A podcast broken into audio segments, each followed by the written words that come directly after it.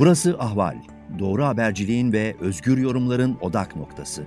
Podcast yayınımıza hoş geldiniz.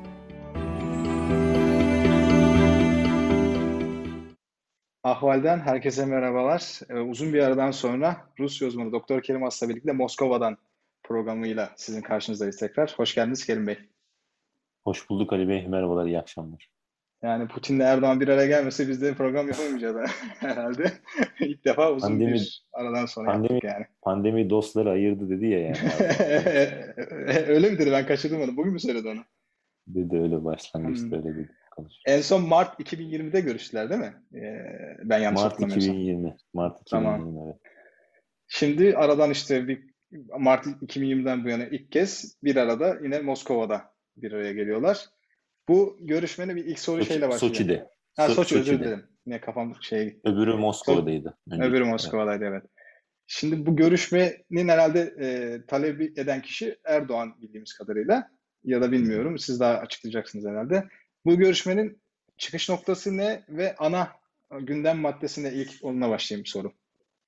Şimdi e, bu görüşme yüzde yüz Erdoğan'dan e, talep olarak gelmiş belli. Çünkü Ruslar daha dün görüşmenin olacağını e, şey yaptılar, doğruladılar resmi olarak. Ama e, bir herhalde değil mi bir hafta on gün oldu e, medyaya düştü. O da nasıl düştü? Amerika'dayken, Erdoğan Amerika'dayken medyaya düştü. Cumhurbaşkanlığı kaynakları Erdoğan'ın 29 Eylül'de Soçi'ye gideceğini duyurdu diye bir Türk medyasına düştü. Dolayısıyla o Amerika'dayken benim tahminim hani Biden'la bir taraftan buluşmaya çalışıyor ya. Hani, Bayağı bir hayal kırıklığı oldu galiba orada. Dolayısıyla hani orada bence çok ciddi bir yıkıldı o. Bence ki psikolojik ben yıkıldı büyük ihtimal beklemiyordu. Ee, orada büyük ihtimal o sıra zannediyorum ya tahminim tabii e, denedi o Biden'la görüşmeyi ama red alınca yani Irak Başbakanı ile bile görüştü Biden neticede. Hani Johnson'la da görüştü Boris Johnson.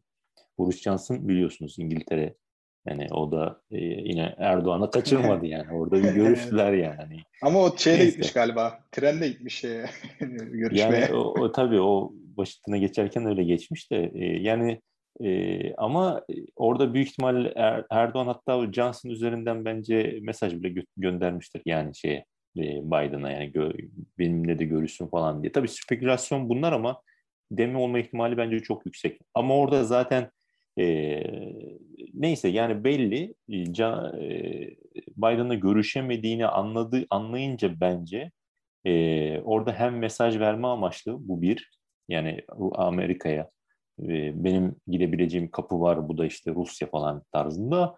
Bir orada zaten hani biliyorsunuz bir e, Namık Tan da herhalde bir öyle bir tweet atmıştı. İki gün önce iki gün sonraki açıklama diye. Yani bir taraftan e, e, iki gün öncesinde Erdoğan diyor Biden dostum veya işte görüşeceğiz falan şu bu falan veya olumlu şeyler söylüyor. Üç gün sonrasında Biden teröristlere yardım ediyor diye falan. Evet. Yani demek istediğim o hayal kırıklığını yaşadığı an bence telefona sarılıp büyük ihtimal Putin'le görüşme talebini iletti. Ve Ruslar da Putin 14 Eylül'den sonra karantinaya girdi bir anlamda. Yani uzaktan görüşmeler yaptı. Ee, Esad'la görüştü 14'ünde. Dolayısıyla orada ondan sonra zaten bir 30 kişiye bulaşmış korona.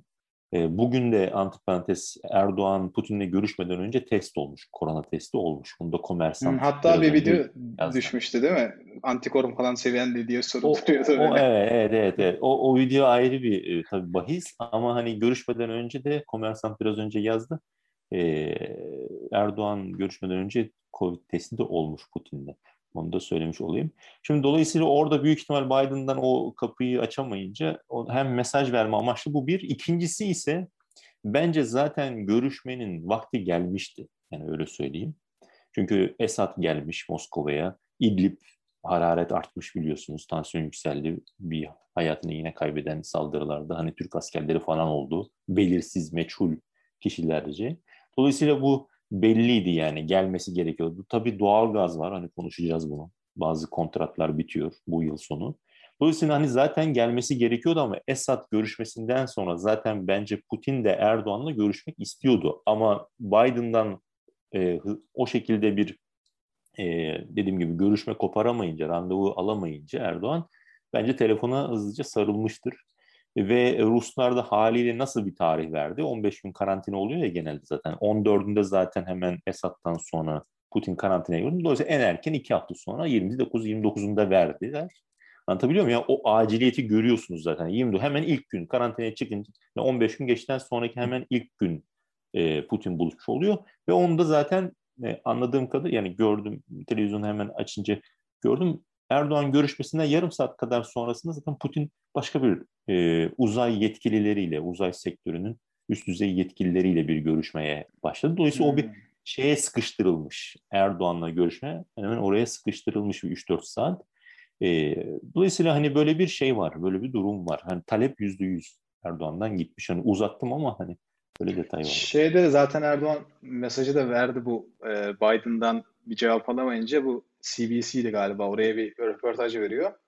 Oradaki hmm, evet. gazetecinin işte e, S400 ikinci paket hmm, S400 alır evet, al, evet, evet. alır mısınız diye özetlenebilecek bir sorusuna tabii ki gibisinden bir cevap veriyor. İlk defa bu kadar net de hani bu, bu yönde evet, bir evet. cevap da veriyor. Sanki böyle hani e, Biden'a böyle işte mesaj siz bana kapıyı açmazsanız ben de gider evet. Rusya'ya işte evet, e, gider bir, bir pakette alırım diyor. Burada bir büyük bir e, büyük bir yıkım yaşadı o. Yıkım yaşadı. Psikolojik yıkım yaşadı bence. Evet. Bu şeyde medyaya düşenlere göre şu ana kadar bu S-400 ile alakalı herhangi bir şey ben göremedim. Var mı bu konuda bir görüşme olmuş mu mesela bu 3-4 saatlik e, zirvede? Şu an yavaş yavaş hani düşüyor Rus basında haberler şeyler. Ben de yayına şu an biz 10 13 çeyrek 2 gibi başladık değil mi yani? Hani e, henüz daha böyle çok detaylar düşmedi. E, onu söyleyeyim. Ha, detaylar ne kadar düşer ondan da emin değilim. Çünkü Neden? teke tek bir görüşme. Hmm, e, yani sadece teke tek çevirmenler görüşme, vardı. E, basın toplantısı yapılmadığı için tam onu şey e, nasıl diyeyim şey yapamayacağız. E, Peki basın toplantısı mimikler, mimikler, hareketler falan. bir mesaj mı? Neden yapılmadı? Bence bence o işte şu demek. Yani basın toplantısının yapılmayacağını Peskov öğlen saatlerinde söyledi. E, yani bu, bu, bu en başta bence Moskova hani 2-3 gün önce de 2 gün önceydi. Putin bir güvenlik konseyini bu Rusların politbürosunu topladı. Hani yani yönetimin politbürosu. E, onlarla bir onlarla bir detaylı görüşmüşlerdir. Bu İdlib'ti, şuydu, buydu falan genel hatlarıyla. Dolayısıyla Moskova zaten hani bence kararını almıştı belli. Kendi pozisyonu belliydi orada. Dolayısıyla hani basın toplantısının yapılmaması demek bir şey değişmeyecek demek. Yani hani bu ben öyle anlıyorum. Moskova hani Rusya e, tavrını doğalgaz şu işte veya işte genel parametreleri kastediyorum. Tabii ki Erdoğan, Putin detayları bilemeyebilirler ama genel parametre veya İdlib meselesi ne olur ne biter. Yani burada hani e, pozisyonunun ben Putin'in değiştiği kanaatinde değilim. Burada Erdoğan bir beklentiye girmişti Rusya'dan daha ziyade o beklentiyi, beklentilerini karşılayamadığını, alamadığını ben ona yoruyorum açıkçası. Bir belgenin imzalanmayacağını falan da Peskov duyurdu hemen daha bugün yine yine öğlen saatlerinde. Dolayısıyla hani bir belge imzalanmadı, bir ortak basın toplantısı yapılmadı. Böyle tam bir e, tavırlarını, hareket şeylerini yani bir ön ön o görüşme öncesi bir hani bir 8-10 dakika bir şey oldu ama e, o bir şeyler veriyor bence. O bayağı bir şey de veriyor. Ama detaylar dediğim gibi önümüzdeki günlerde piyasaya çıkar yani yayınlanır. Ama onun da haricinde haliyle bazı tahminlerde bulunabiliriz. Yani ben hani işte bu bu görüşmemizde de hani öyle yapmayı düşünüyorum. Putin'in işte Putin açıklaması var bir tane bu görüşmeye dair. Erdoğan'la görüşmelerimiz her zaman sorunsuz geçmiyor diye böyle bir hani biraz da gönderme de içeren bir açıklama. Ama yani sonunda Putin, kurumlar anlaşıyor, uzlaşı bulabiliyor diye eklemiş. Yani hani işte yoruyorsun bizi diyor ama sonunda da diyor hani şey yediğin zaman diyor yani bir o, yani bir şekilde anlaşıyoruz sonrasında diyor yani hani bir neyse. Yani dolayısıyla orada bir şey var. Orada tabii diplomatik konuşuyor o. Ama hani Putin ben gö, o görüntü var hani ön görüşme öncesi konuş, konuşurlarken Putin çok rahat belli. Zaten Soçi e, yani Soçi'yi Putin e, biraz nasıl diyelim ayağa kaldırdı öyle söyleyeyim. 2014 Soçi kış olimpiyatlarına hazırlık sürdü bir 8-10 sene falan yani. O yatırımlar yapıldı müthiş. Soçi e, yani Rusya'nın en güzel kentlerinden biridir yani. Hani bir Batı Avrupa kenti gibidir. Çok güzeldir. Hani o anlamda reklamını da yapmış olduğu hmm. çok güzel bir şehirdir. Hem sayfiye yeri bir anlamda Karadeniz. Hem böyle mimarisi falan da böyle Sovyet etkisi çok hissedilmez. Böyle Batı, Sovyet imparatorluk böyle birkaç böyle birleşimi gibidir. Çok güzeldir. Muhakkak Rusya'ya gelenler imkanı varsa gitsinler. Neyse hani Rusya, yani Soçi Putin'in kendisini gerçekten çok rahat hissettiği bir yer. Kremlin'den daha rahat hisseder kendisini yani. O oturuşu falan hani gördüğünüz zaman oturuşu, konuşmaları falan hani böyle bir çok rahat yani baktığınız atılgan böyle biraz şey. Ben Erdoğan'ı e, neticede öğlen iki gibi başladım. Hani dinlenmiştir diye tahmin ediyordum. Ya hastalığından dolayı ya bilmiyorum ama benim izlenimim bitkin olarak gözüküyordu. Ne, neticede herkes Erdoğan'ın durumunu değerlendirebilir ama böyle e, Lukashenko'nun e, oturuş şekli gibi Putin'in karşısında biraz oturuyordu bence yani. Yani bir fotoğraflara baktığınızda Lukashenko Belarus'un hani diktatörü ile işte Putin e, karşılaştığı zaman, buluştuğu zaman onun oturuşuna göre, oturuşu gibi biraz Erdoğan'ın e, yani şey mi? Biraz daha böyle biraz da böyle eli zayıflamış bir Erdoğan mı var? Yani hem eli zayıf hem talepkar, talep ediyor ama o kadar zayıfsınız ki o taleplerinizin e, o şartlarda kabul edilmesi değil, e, daha fazla e, hani e, ütülme değil mi? Bülent hmm. Arınç demişti bir yandan değil mi? O bir ara Siyaset ütme işidir diye. Siyaset ütme işidir. İşte o ütülme e, oluyor. Putin karşısında, Biden'ın karşısında büyük hmm. gücü gördüğü zaman Erdoğan böyle böyle hani otoriter diktatörler böyle gücü gördüğü zaman o korkarlar yani. Hani öyledir zaten genel olarak yani. Dolayısıyla hmm. o hani bir değnek o ütülme yani o yani hakaret anlamında söylemiyorum bir ama bu hakikat bu, bu gözüken resim bu idi bence. Dolayısıyla orada hani mesela şeyi de rahatlatı acı konuştu mesela Putin. Yani dedi mesela Türk akımında dedi sizin dedi istikrarlı duruşunuz falan. İşte Türk akımı mesela 15.75 e, bir hat Türkiye'ye giden evet. e, o neredeyse bomboş akıyor yani. Geçen sene daha doğrusu bu sene değil de geçen sene yani bomboş gitti aç aktı yani. Mi? Şu an mesela tam kapasite çalışmıyor o. Aslında yani artış var geçen seneye göre. Ancak tam kapasite mesela Putin dedi ki tam kapasite çalışıyor dedi. E, istikrarlı duruşunuz dedi falan. Halbuki gaz anlaşmaları imzalanacak yani. Yani o mesela şunu dedi Avrupa dedi e, onlar dedi bin dolar, bin dolar demedi çok yüksek fiyatla alırken dedi Türkiye çok daha rahat falan dedi. Yani rahatlattı bir. E, Erdoğan'ı bir rahatlattı çünkü gaz anlaşmalarını konuşacağı için e, yani e, anlatabiliyor muyum? Onun psikolojik ben e, o ezikliğini e, biraz daha hani rahatlatayım da öyle e, alayım şeklinde. Yani o müzakerelerde şey yapması için ben öyle gördüm yani hani Putin'in konuşmalarına baktığımda onu hissettim. Mesela Erdoğan doğal gaza mesela girmedi bilerek. Mesela Neden? görüşme öncesi. E çünkü o eli zayıf olduğu yer. Çünkü 200 hmm. 230 dolara şu an alıyor. Avrupa'da çıkmış 1000 dolara e, Ruslar da bastıracak 300-500 arttırmak için. Dolayısıyla doğalgaza girdiği zaman zaten yani kendisini köşeye daha fazla sıkıştırmış olacak. O ne yaptı orada? Üstü körü, üstün körü hani sizin dediğiniz işte hani ne dedi? Biz dedi vazgeçmeyeceğiz veya işte Birleşmiş Milletler'de bana sordular dedi. Bizim kararımız karar hani S-400'leri kastediyor. Onu da tam söylemiyor. Çünkü olur senatörün bir tanesi hemen imza basar Amerika'da yeni yaptırımlar falan hani şöyle ama böyle hani e, şeyi de devirmemeye çalışıyor. Anlatabiliyor muyum yani? yani? Çok hassas, yuvarlak, yüz yuvarlak ifadeler kullandı. Dolayısıyla hani öyle bir öngörüşme öyleydi. Görüşmemiz. Bu arada iktidar medyasında bugün bir haberler vardı. İşte Birleşmiş Milletler de Erdoğan'la Biden görüşecek diye belki siz de görmüşsünüzdür. Gördüm Şimdi, ama evet. Doğru Beyaz, mu o haber? Beyaz Saray'dan e, bir yetkili e, bunu teyit etmedi. Yani böyle hmm. bir şey de var. Yani demek ki oradan hala bir ümit bastırıyorlar ama bir şey çıkmadı oradan anladığımız kadarıyla. Yani o gibi de G20 zirvesi. Yani Roma'da ha, evet. olacak. Evet, yani G20 şey de değil. Yani böyle bir Amerika'da tarz bir görüşme ikili falan da değil yani. Zaten herkesin olacağı, 20 liderin olacağı bir yerde bir şekilde denk gelirsiniz zaten yani. Hani yani işte bir şey var orada. Biden e, konuşmuştuk. Ee, ben Haziran ayında onu söyledim hala öyle düşünüyorum. Haziran ayında Erdoğan istediğini alabildi. Afganistan meselesi vardı şimdi mesela. Evet. Ee, ama Afganistan orada Taliban 15 Ağustos'ta hani tal- e, Kabil'i eline geç ele kontrolü altına Bence aldı o Hani, hem Amerika hem Türkiye için sürpriz oldu gibi geldi bana. Taliban'ın o e, Kabil'i Evet. tamamen ele geçirmesi. hızlı bir şekilde. Çok kısa sürede. Evet, Evet. evet. Yani evet Ruslar için de aynı şekilde bence. Hı hı. Yani öyle oldu. Ruslar da yanıldı. Dolayısıyla hani o, o öyle biraz e, sıcaklık oldu. Afganistan işi, Erdoğan falan e, bir taraftan cihatçılar şunlar bunlar. Ama şu an herhalde biraz muallakta o. Çünkü Taliban tam Evet. anladığım kadarıyla razı değil yani Erdoğan. Ama bakalım göreceğiz. Belki de ikna edebilir yani. Biraz daha beklemek lazım. Peki hafta içinde bir yine böyle e, işte Rusya'nın e, TSK kontrolündeki işte Afrin bölgesine hava saldırısı düzenlediğine dair haberler gördük. İşte bir yandan İdlib vardı. Bu görüşmeden sonra iş, bu iş nereye gider? Bir de hatta geçenlerde Lavrov'du galiba. Önemli bir açıklama yaptı.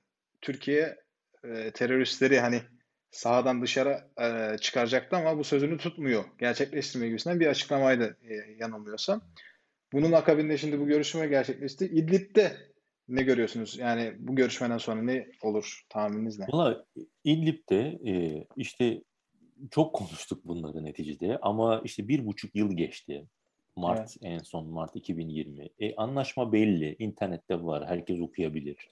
Türkiye gereksiz yere üzerine sorumluluklar aldı orada. M4 otoyolunu aç, açacağım dedik. Şam'ın Şam'ın geçişine, Şam'ın kontrolüne bırakacağız anlamına geliyor onlar yani. Ağır silahları cihatçıların bırakacak, onları çıkarmaya çalışacağız dedi. M4 otoyolunun kuzey ve güneyinde 6'şar kilometrelik 12 kilometre güvenlik kuşağı oluşturulacak dedi. Türkiye ve Rusya askerleri birlikte ortak devriye yapacaklar, o güvenliği sağlayacaklar dedi M4'te. Bunların hiçbirinin zaten hayata geçirilemeyeceği çok belliydi yani en baştan belli idi. Yani bu ne oldu? Ee, geçen sene Mart ayıydı. Ben benim tahminim mesela 2020 sonuna kadar biter diye düşünüyordum o anlamda hani M4 Hı hı, meselesi. 2020 sonu bitmedi. Mesele o değil zaten. Mesele e, benim yanılıp yanılmamam da değil. Çünkü yani 2020'de bile 21'de biter. Niye bitmedi? E, bir sürü nedenim var. E, nasıl diyelim? Libya meselesi hararetini arttırdı geçen sene biliyorsunuz. O Mart görüşmesinden sonra Haziran'a kadar bayağı bir El Cufra Evet. İşte o Sirte hattına falan Türkiye orada dengeleri değiştirdi neticede. Sonra Karabağ Savaşı başladı falan. Evet, evet, evet, evet. Dolayısıyla hani orada bir sürü şey var. İşte pandemi devam ediyor bir taraftan. Bir taraftan işte Ukrayna krizi patlak verdi falan. Bu Afganistan bu yaz. Hani baktığınız zaten e, İdlib zaten demokrasinin kılıcı gibi sallanıyor orada. Yani 2020 2021'de kaşıyacak orası. Rusya almak isteyecek. Yani anlatabiliyor muyum? Bu konjonktürel olarak ertelenmesi, geri çekilmesi bunlar nihai sonucu değiştiren hususlar olmayacak neticede. Dolayısıyla e, burada bir buçuk yıl geçti.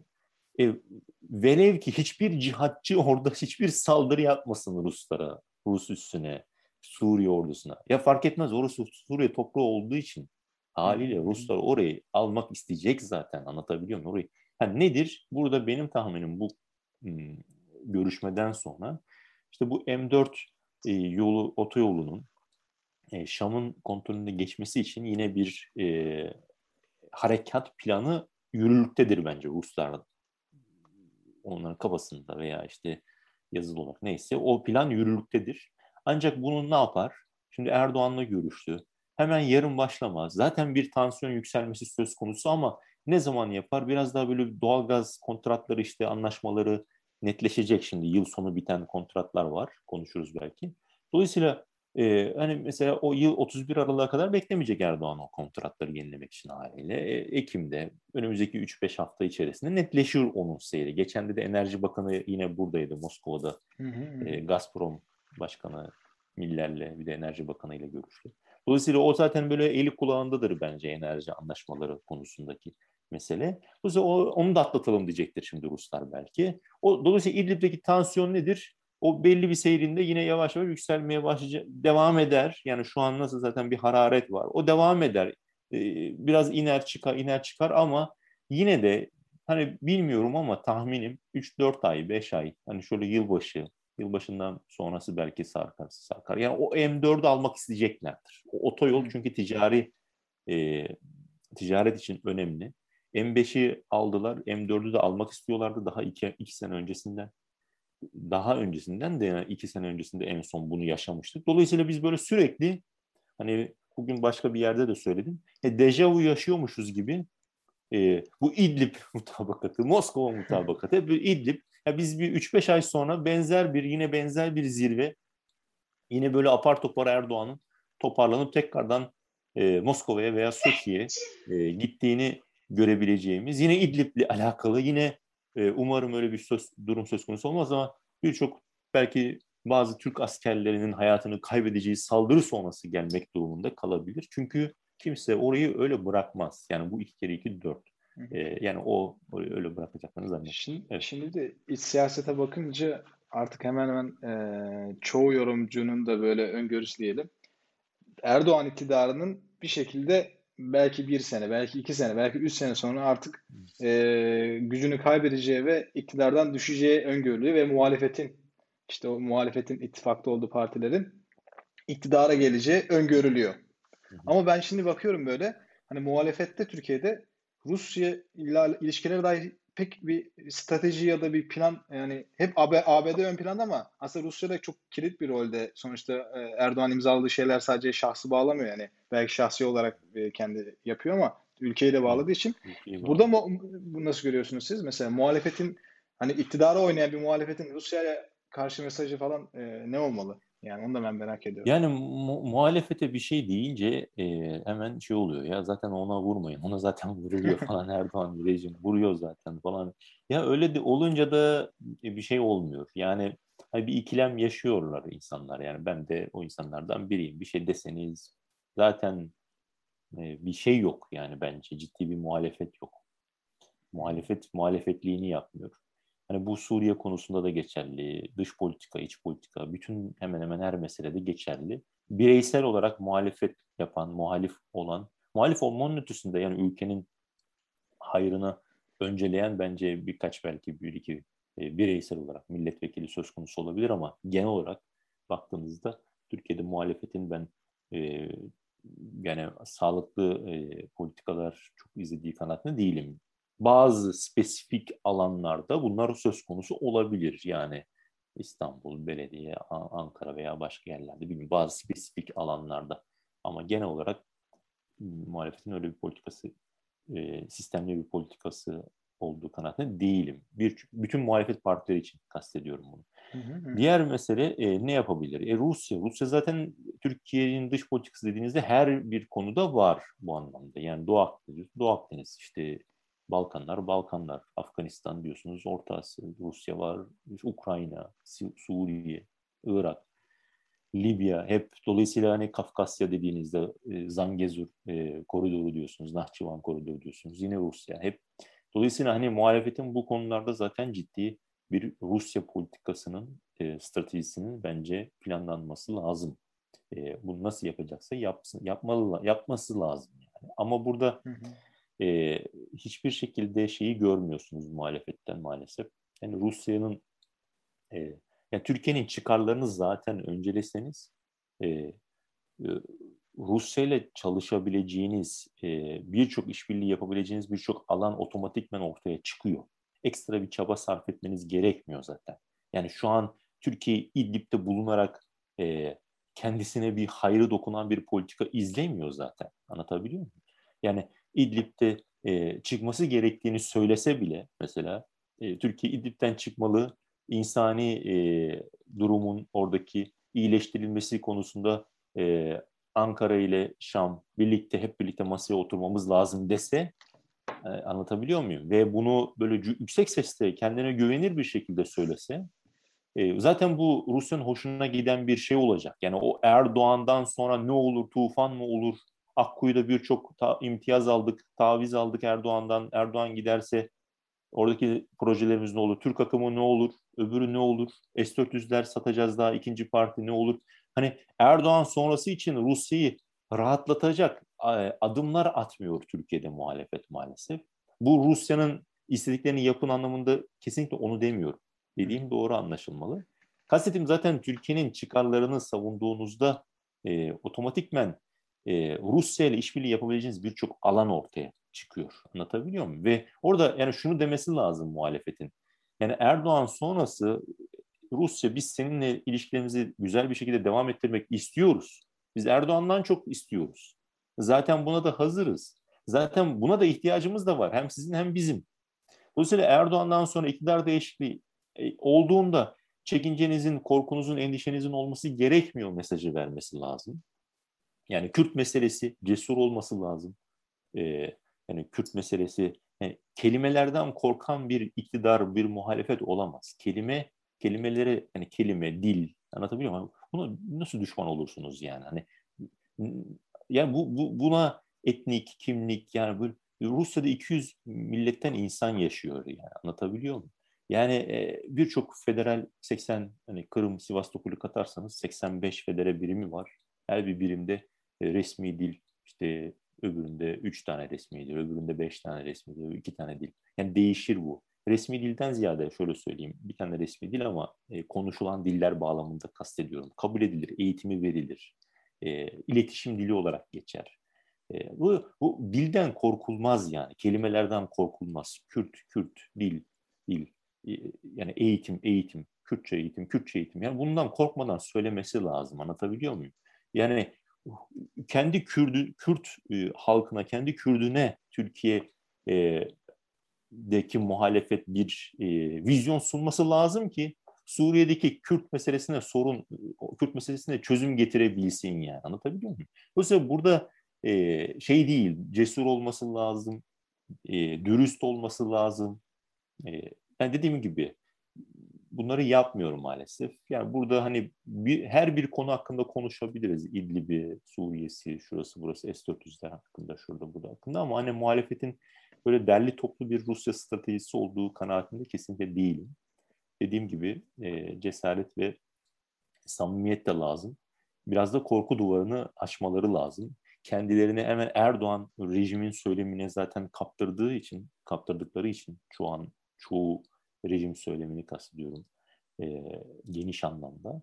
E, ve korkuyorlar. Erdoğan terörle iç içe gösterecek diye. Niye korkuyorsunuz? Yani Selahattin Demirtaş'ın hakkını savunduğunuz zaman ne yani, hukuksuzca tutuklu olduğunu herkes biliyor. Tüm dünya biliyor yani. Savunabilirsin yani bunu savun.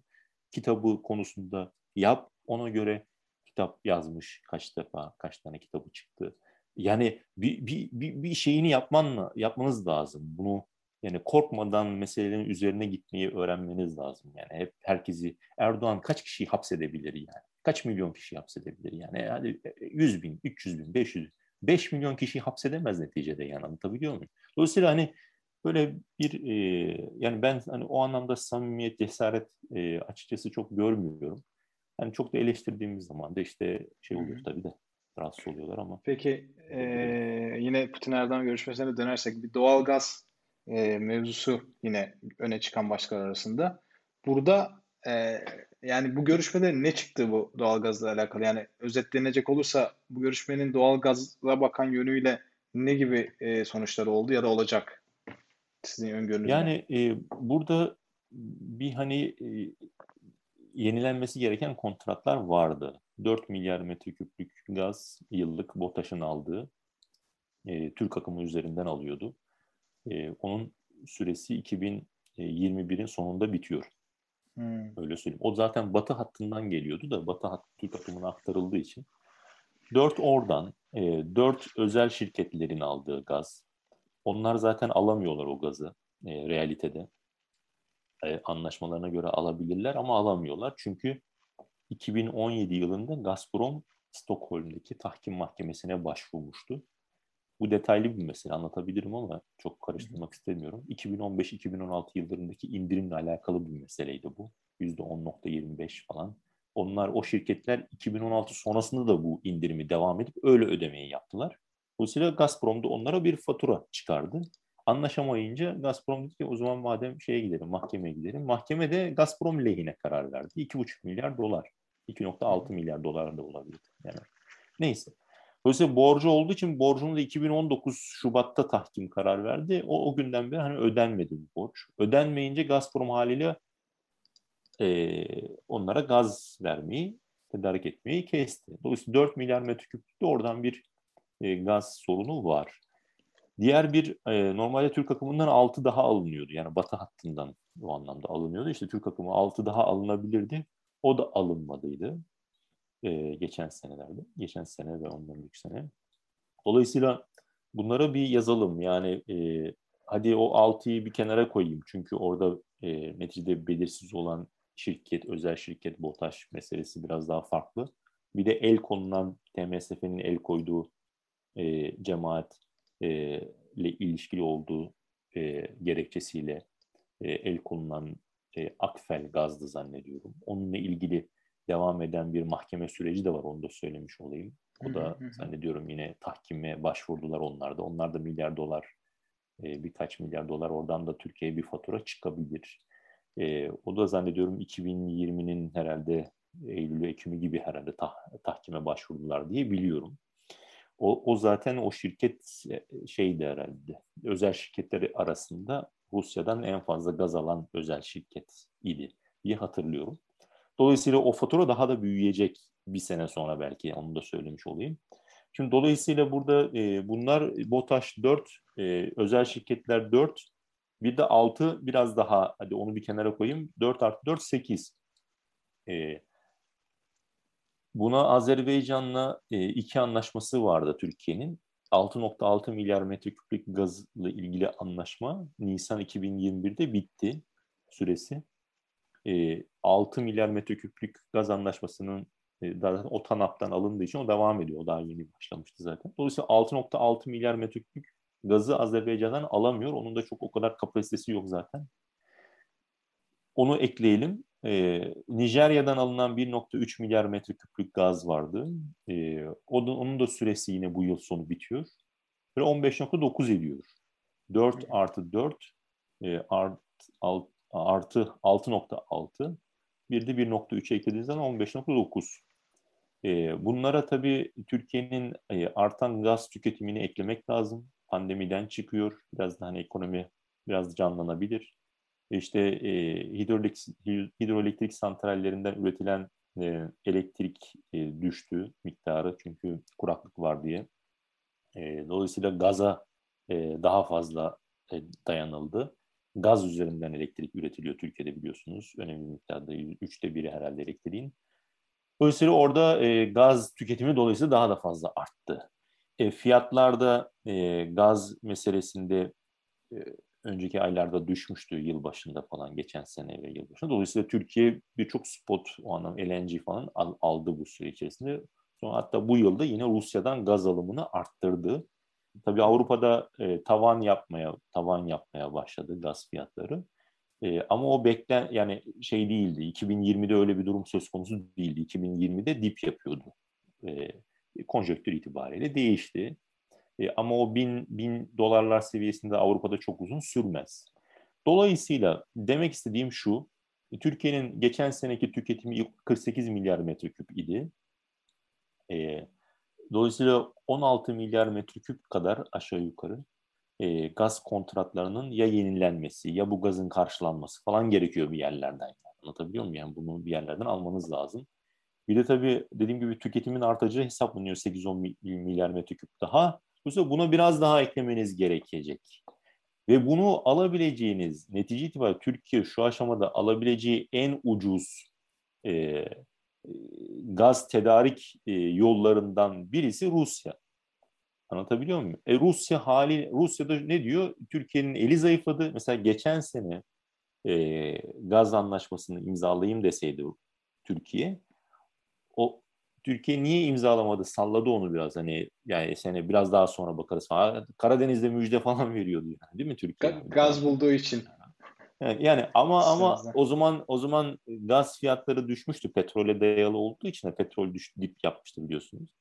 E, o, Türkiye ne dedi? Ya dedi Rusya daha pahalıya satıyor ben dedi e, gider alırım dedi LNG alırım dedi. Amerika'dan birçok LNG aldı e, LNG e, sıvılaştırılmış gaz aldı çok fazla şu an miktarı e, yanlış söylemek istemiyorum. E, şimdi dolayısıyla e, demek istediğim şu geçen sene e, şartlar şartlar e, nasıl diyelim Türkiye kendi lehine düşünüyordu ama bekledi bekledi ama 2021'in sonu yaklaştı. Şimdi de gaz fiyatları çok yükselince Rusya'nın karşısında Rusya diyor ki bin dolarlara alınıyor diyor. Avrupa bin dolarlara alıyor diyor.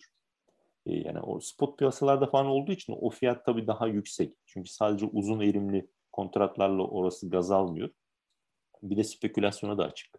Yani o da var. İngiltere, Norveç orada bir tane azalan gaz e, rezervleriyle de ilgisi var. Gazprom'un biraz kuzey akım 2 hattını daha e, tam kapasiteli bir şekilde 55 milyar metreküp Al- Almanya'ya o inşaatı bitti. Onu aktif hale getirmek istiyor. E, aslında Gazprom bütün taahhütlerini yerine getiriyor Avrupa'ya ama e, demek istediğim e, o kuzey akımı da de, ikiyi de devreye tam ciddi bir şekilde devreye sokmak istediği için o spekülasyonlarda yani belli bir payı da vardır yani. Ben öyle söyleyeyim. Ama taahhütlerini de yerine getiriyor yüzde yüz. Yani Gazprom'la şu an bir sıkıntısı yok. Gazprom'un haricinde devam eden Avrupa'da o anlamda başka parametrelerle o gaz fiyatları yükselmiş durumda. Dolayısıyla Ruslar ne diyor şu an? Bugün Erdoğan gelince ne dedi? Biz dedi sizden gaz alalım. Daha fazla yani e, o kontratları yenileyelim. Ama dolayısıyla formül olacak. Formül değişecek. Gaz anlaşma formülü değişik. Rus, Türkiye Rusya'dan e, petrole dayalı e, e, fiyatlarla doğal gazı alıyor biliyorsunuz. Uzun vadeli 20 yıllık, 30 yıllık anlaşmalarla alıyor genelde. Do almıştı yani mavi akım, batı hattı hep öyleydi. Dolayısıyla e, Ruslar ne diyor? Tamam uzun uzun eğilimli olsun, uzun şeyli olsun. Türk akımı daha yeni yaptık. Dolayısıyla garanti almak istiyor. Ama bir taraftan da haliyle formülü değiştirecek. Ee, daha yüksek fiyata gelerek satmak isteyecek. Dolayısıyla orada bir bence bir orta yol bulunmaya çalışılmıştır. Erdoğan e, ya 500 olmasın, yani 500 denmez de yani o formülü ona göre, onu kastediyorum ben. Çünkü detaylarla uğraşamayacaklar haliyle onlar. Ama teknik gruplara havale edecek şekilde o yani fiyatı Ruslar dediğim gibi bine bine değil ama hani yükseltmeye çalışacak o şu an satılan gaz formülünü bir şekilde onu arttırmaya çalışacak fiyat olarak karşılığını e, Türkiye'de onu indirmeye çalışacak. Dolayısıyla o her halükarda ama günün sonunda şu, şu an 230 dolara falan alıyor. 1 Ekim'de o 3 e, ayda bir değişiyor fiyatlar. E, 6-9 ayda da formülün kendisini yani petrol endeksi olduğu için o değişiyor. E, uzattım çok. Demek istediğim e, 230 dolarlar, 270 dolarlar seviyesinin çok daha büyük ihtimal üzerinde gaz almaya başlayacak e, önümüzdeki yıl başından itibaren e, Türkiye Rusya'dan gazı. Ama o gaz her halükarda e, Azerbaycan'dan yani Türkiye'nin Rusya'dan alacağı gazın fiyatı Türkiye'nin e, Azerbaycan'dan alacağı gazın fiyatından düşük de olacak onu da söylemiş olayım. Hatta İran'ın İran'dan aldığı gazın fiyatından da düşük olacak Rus gazı Türkiye açısından. Dolayısıyla burada e, yani yandı gülüm keten elva durumu var e, Türkiye'de halk için. Hani gaz fiyatları çünkü artacak. Ga- zam geliyor yani. Çok çok artacak. Yani gaz hmm. hani e, şey e, zam zam yağmuru, zam fırtınası gelecek. Ha bunu Erdoğan bir şekilde seçimler yaklaşıyor. Onu nasıl e, dengelemeye çalışacak onu bilmiyorum. İngiltere belki yardım edebilir. E, Katar finansal açıdan belki yardım edebilir. Bilmiyorum. Ama Erdoğan sadece Erdoğan'la ilgili de değil bu. Önceki iktidarlar da sürekli geçerli e, konut sektörüne biliyorsunuz hani Türkiye'de işte onlara konuta diyor ki konut sektörüne yüzde on iki, yüzde on beş zam yapıyor ama sanayiye onların parası zaten vardı diye ona yüzde yirmi yapıyor, yüzde yirmi beş yapıyor. Hani o genelde böyle zammı e, her halükarda fiyatlar yükseliyor Türkiye'de ama o zammı konuta daha az yapıyor. Halk daha az hissetsin o fiyat artışını diye. Sanayiye diğer sektörlere daha yüksek fiyatta zam yapıyor. Son bir şey her halükarda da bu zamları yapsa da e, BOTAŞ zaten sübvanse edilen bir kurum. Her halükarda o gazı e, o piyasa e, fiyatına da satmıyor. Uluslararası piyasa fiyatına, Avrupa piyasa fiyatına göre de satmıyor. Hani bunu da Türkiye'de toplumun anlaması lazım. BOTAŞ, BOTAŞ zarar ediyor zaten. Yani zaten düşük zam yapsa da yine düşük fiyatta satıyor BOTAŞ. Yani e, 100 liraya satması gerekirken 30 liraya satıyor, 40 liraya satıyor. Bu BOTAŞ ama bu uzun süredir bu şekilde. Demek istediğim e, o zarar hazineye yazılıyor. O hazar o o e, zarar e, devletin kendisine yazılıyor. Dolayısıyla milletin yine e, cebinden vergi olarak başka kalemler bağlamında çıkacaktır. Ama her halükarda gaz fiyatlarının e, yani önümüzdeki aylarda çok çok daha hızlı bir şekilde artacağını belirtmek hmm. lazım. Millet hani tezek mi depolasın, odun mu, kömür mü onu bilmem onu. Trajikomik durum geliyor evet, o zaman. Evet. Mesela Sonra, geçen sene yapsaydı, hı. geçen sene hani böyle pop poplanıp Karadeniz'de gaz bulduk falan. O gazı kendisi gaza gelmeden o gaz anlaşmalarını yenileseydi evet. Rusya'yla Böyle, o şu an daha çok daha eli rahat olurdu. Avrupa binlerde, bin dolarlarda gezin. Ya şu an o kendisi de ben 200'lerde iyi devam edeceğim falan diye düşünürdü ya. Ama şu an öyle bir durum söz konusu değil. Peki son bir şey soracağım. Ondan sonra da bitirebiliriz zaten. Az bir süremiz kaldı. E, Peskov'un bir açıklaması olmuş bu Ukrayna'daki e, Türk silahlarının, daha doğrusu SİHA'lar işte Bayraktar, bu Erdoğan hmm. damadın üretip e, Ukrayna'ya sattığı silahlara dair. Kremlin işte e, Ukrayna'nın bu silahları kendi vatandaşlarına karşı kullanmasından rahatsız gibisinden bir mesaj vermiş. Acaba şeyde bu görüşmede bu da gündeme gelmiş midir? O zaten hani Ukrayna rahatsızlığı var. Bence gelmiştir. Hmm.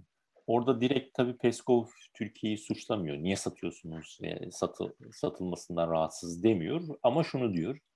E, yani işte biraz önce dediğiniz Donbas'taki kendi vatandaşlarına karşı. Kendi vatandaşları da o Donbas'ta zaten en az 500 bin, 600 bin kişi Rus vatandaşı da olmuş durumda yani şu 2-3 sene içerisinde geçtiğimiz.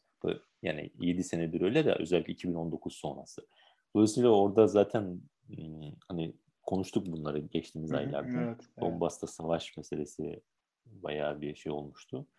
Neyse e, demek istediğim orada tabii e, Peskov o mesajı Peskov mesajı vermesine gerek yok. Mesaj da vermiyor zaten konu başta olarak bu da haliyle diyor e, istemeyiz diyor. Demek yani konuşulacak konulardan biri. Hmm. E, hani Kırım konuşulmayacak dedi. E, Kırım da Kırım konusunu konuşmaz tabii ki Ruslar. Hani şu e, neyini konuşacak?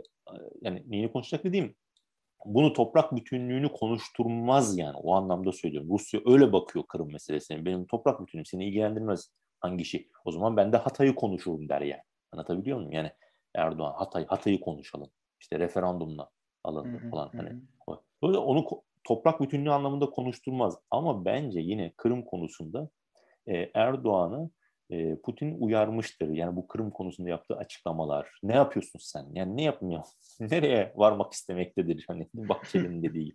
Nereye varmak istemek istesin falan gibi demiş olma ihtimali bence çok yüksek. Çünkü geçen hafta daha Birleşmiş Milletler Genel Kurulu'na sonra Duma Duma seçimleri oldu Kırım'da Sivas'ta. Onu, onu Duma ta- seçimleri tanımıyoruz mu demiş Türkiye öyle bir şey var. Tanımıyoruz sanki. dedi. Tanımıyoruz dedi. Yani ya, sen niye yapıyorsun açıklamayı? Ya zaten tanımıyorsun. Zaten Kırım'ın ilahını tanımadığın için otomatikman Duma'daki seçimleri de tanımıyorsun. Ama bunu söylemen gerekmiyor yani. Kaldı ki ben de yeni fark ettim. Mesela Kırım'dan seçilen Natalya Paklonsk, Paklonskaya ile e, hmm, şey görüşmüşler var. onunla Erdoğan. Ruslan, Ruslan Balbek ki bunların o ikisinin de yani Natalya e, Pakonskaya eski savcı o Kırım savcısıydı. E, de Ruslan Balbek. Bunların zehir zemberek eski Erdoğan'a yönelik birçok açıklaması da vardır. O da antiparantez onu da söyleyeyim. Yani Ruslan Balbek yani e, eski, orada Kırım'da başbakan yardımcılığı da yaptı o. Yani hmm. müthiş dediğim gibi zehir zemberek açıklamaları da vardır. Aa, hadi onu geçtim. E, onlar 2016 Duma seçimlerinde e, milletvekili de seçildiler yani. Tamam mı? 2019'da da Türkiye davet etmiş bir e, uluslararası bir e, işte meclis milletvekilleri herhalde bir şeylerle alakalı bir durum. Onlar ikisi de Şarağan e, şey Dolmabahçe'de ağırlanmış. Ağırlanmış. Yani, el sıkışıyorlar falan. E, e, sen şimdi mesela 2021 seçimlerini tanımıyoruz diyorsun. Tamam da 2019'da 2016'da yine Kırım'da yapılan Duma seçimlerinde seçilen milletvekillerini Dolmabahçe'de ağırlamışsınız yani anlatabiliyor muyum? Dolayısıyla bu çelişkiler işte bu çelişki işte bir çelişki daha bir çizik daha atabiliriz yani hani dış politika bağlamında. Çünkü bir hafta önce Kırım meselesini konuşuyorsunuz. Hemen sonrasında ister istemez işte Putin'in karşısında daha farklı bir pozisyon takılmak durumunda kalıyorsunuz. Dolayısıyla hani bu yani bu çelişkiler hercü merci içerisinde e, yürütülen, yürü, yürütülen demeyeyim de yürütülemeyen bir dış politika maalesef izliyoruz yani. O zaman özetle e, bu görüşmeyi bir başlık atacak olursak şöyle diyebilir miyiz? E, Erdoğan e, Putin karşısındaki en zayıf e, konumundaydı. İstediğinde elde edemedi. Bir sonuçsuz bir görüşme mi oldu? Öyle diyebilir miyiz yani özetle? Yani e, istediğini alamadı. Erdoğan istediğini alamadı. Putin de Erdoğan'ın istediğini vermedi. E, ama e, bu yolların e, ayrılacağı anlamına da gelmiyor yani hani bu. Tabii. Çünkü o den bir şekilde götürmek istiyor. Çıkarlar var. Burada Rusların e, Türkiye'de dediğim gibi muhalefete yönelik güvensizlikleri var. Mesela muhalefet hmm. bir ciddi muhalefete şunu demiyorum ben. Batı ile ilişkilerinizi kesin. Öyle bir şey yok zaten. Türkiye Batı'da güçlü olduğu zaman, Batı ile ilişkileri güçlü olduğu zaman e, Doğu'da saygı görür. Bunu bir de söylemiş olayım bir daha. Hı hı. Doğu'da saygı görür. Doğu'da Doğu, Doğu güce önem verir çünkü. Hı. Rusya'da dahil olmak üzere. Ona saygı duyar. E, ama Türkiye e, Doğu ile ilişkileri e, kuvvetli olduğu zaman da Türkiye'nin Doğu ile ilişkileri kuvvetli olduğu zaman da Rusya, diğer aktörler de hepsi için geçerli. Batı'da da değer kazanır. Yani anlatabiliyor muyum? Çünkü Batı ne gözüyle bakar? İşte orayla da ilişkimizi sağlayabilecek bir damar olarak, atar damar olarak görür falan. Demek istediğim neyse. Kimse muhalefete orayı e, ilişkilerinizi kesin, zayıflatın demiyor. E, Rusya'yla da Rusya'yla sistematik, e, mantıklı e, hem Türkiye'nin çıkarlarına hem de Rusya'nın çıkarlarına e, uygun olan birçok e, başlık var, alan var. Ve bunları çıkarıp e, bu anlamda Rusya'ya Erdoğan sonrası e, sizin çıkarlarınız e, yağma edilmeyecek. Yani anlatabiliyor muyum? Bazı tartışmalı hususlar olabilir. İşte S-400'ler, Akkuyu'da verilen imtiyazlar. Ama bunları şu an dile getirmenin zamanı değil. O zaman iktidar değişirse, bir gelirsiniz iktidar, o zaman onları adam akıllı konuşursunuz. O başka bir şey. Hani e, marazi mi diyelim, marazi hususları ön plana çıkarmadan o asgari müştereklerde Ruslarla buluşabileceğiniz birçok alan var. Bunları öne çıkararak Rusların o Erdoğan sonrası endişelerini minimuma çekmeleri gerekiyor. Bu anlamda hani Rusya Erdoğan'a e, yani Putin Erdoğan'a istediğini vermedi. Ama bu ilişkiyi kopacak anlamına gelmiyor. Erdoğan e, ABD'den, Amerika'dan böyle hani bir öfkeyle falan döndü. İşte e, yani Soçi'ye Mehter Marşı'yla geldi dedim ben bir. Hani e, İzmir Marşı'yla döndü falan denir ya. Yani biraz İzmir Marşı'yla hani sen devam et, git yani biz de yolumuza bakalım. Biz e, yani bildiğimiz yani şöyle bildiğimizi okuyacak e, okuyacağız anlamında değil ama yani Rusların ben stratejisinin değiştiği kanaatinde değilim. İdlib Hı-hı. meselesinde, doğal gaz meselesinde, S-400'ler meselesinde var ama bunlar da değiştiği kanaatinde değilim. Sadece orada küçük ufak ayarlamalar yapıyorlardır. Yaparlar o anlamda. Evet. Peki çok teşekkürler. Uzun bir aradan sonra tekrar beraberdik. Belki önümüzdeki günlerde ya da önümüzdeki haftalarda yine bir program yapabiliriz. Tekrar görüşmek üzere diyorum. Hoşçakalın Kerim Ben teşekkür ederim. İyi geceler herkese. Sağ olun. Ahval podcastlerini tüm mobil telefonlarda Spotify, SoundCloud ve Spreaker üzerinden dinleyebilirsiniz.